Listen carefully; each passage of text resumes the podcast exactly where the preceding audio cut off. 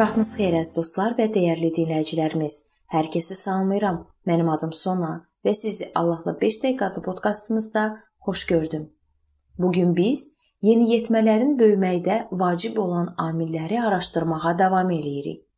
Həqiqətdə böyümək üçün yeniyetmə öz ruhani həyatını zənginləşdirib inkişaf etdirməlidir. Bu əsasən müntəzəm olaraq müqəddəs yazıları şəxsi mütaliə və dualar vasitəsilə baş verir. Sizin Allahla əlaqə xəttiniz onun sizinlə və sizin onunla danışa bildiyi dəqiqələrdir. Allahla ünsiyyət üçün şəxsi zaman Allaha həsr etdiyiniz həyatınızda ən vacib yerlərdən birini tutmalıdır.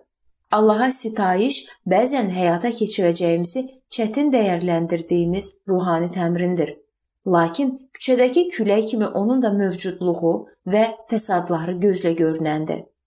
Allaha olan sevgimiz soyuyanda dua həyatımız böhranla üzləşir. Efesdəki icma Allaha olan əvvəlki məhəbbətindən əl çəkdi və onu yalançı laqeydliklə əvəz etdi.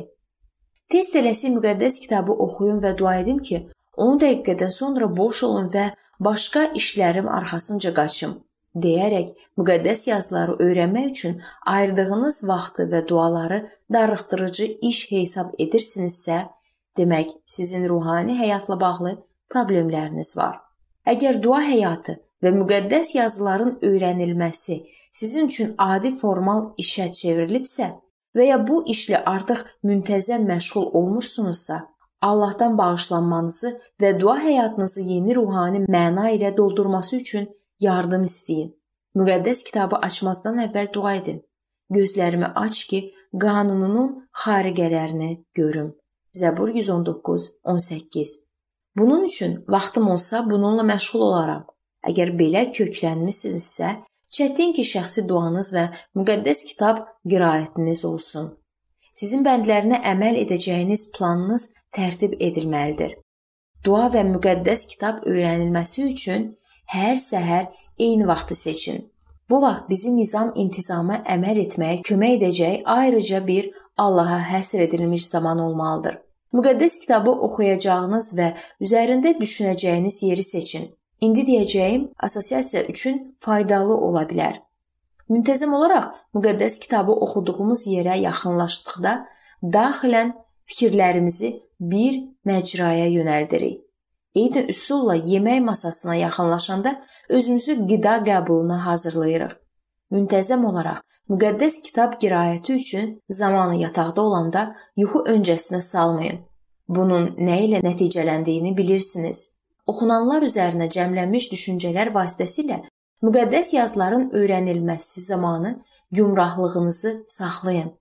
Bu prosesi ruhani qidanın həzm edilməsi adlandırmaq olar. Çünki qidanı qəbul etmək azdır, onu həm də həzm etmək lazımdır. Bir yerdən digər yerə qonaq kəpənək kimi yox, bir yerdən dayanıb eyni gülün şirəsini içən kalibri quşu kimi olun. Oxunanları şəxsən özünüzə və düşdüyünüz vəziyyətə tətbiq edin. Özünüzdən soruşun: Bunu həyatımda necə tətbiq edə bilərəm?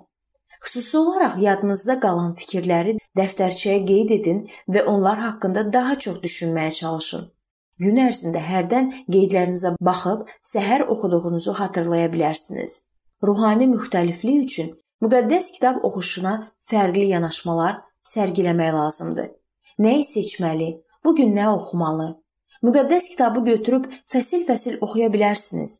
Müqəddəs kitabın qiraəti planını əldə edib aylarla, illərlə ona əməl edə bilərsiniz. Bəzən ruhani oxularınıza mətnlərində insanda gündəlik ruhani həvəs oyadan sözlərlə zəngin kitab və jurnalları əlavə edə bilərsiniz. Lakin belə oxular müqəddəs kitabın özünün oxunmasını əvəz edə bilməz. Siz həmçinin imanlılar cəmiyyətində vəzləri diqqətlə dinləməklə öz ruhani həyatınızı zənginləşdirə bilərsiniz. Vəzlərin qısa icmalını yazmaq olar. Bu sonradan qeydlərinizi təkrar oxuyanda fikrinizi yayındırmamağa, nəsihətləri xatırlamağa kömək edə bilər. Vaiz bu mövzunu və ya fəsli evdə daha diqqətlə araşdıra bilərsiniz deyəndə diqqətli olun və onun məsləhətini dinləyin. Birlikdə böyümək üçün üstünlüyü məsihçi məktəblərinə verin. Dərslərdə çalışqan olun. Çalışqan olmaq vərdişi sonradan sizin ruhani həyatınızda özünü doğruldacaq.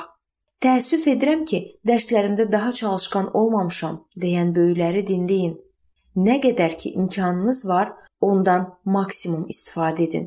İsa müdriklikdə böyüyüb, onu təqlid edin. Yorulmadan yeni zirvələrə can atın və Allahın xeyir duasını alın.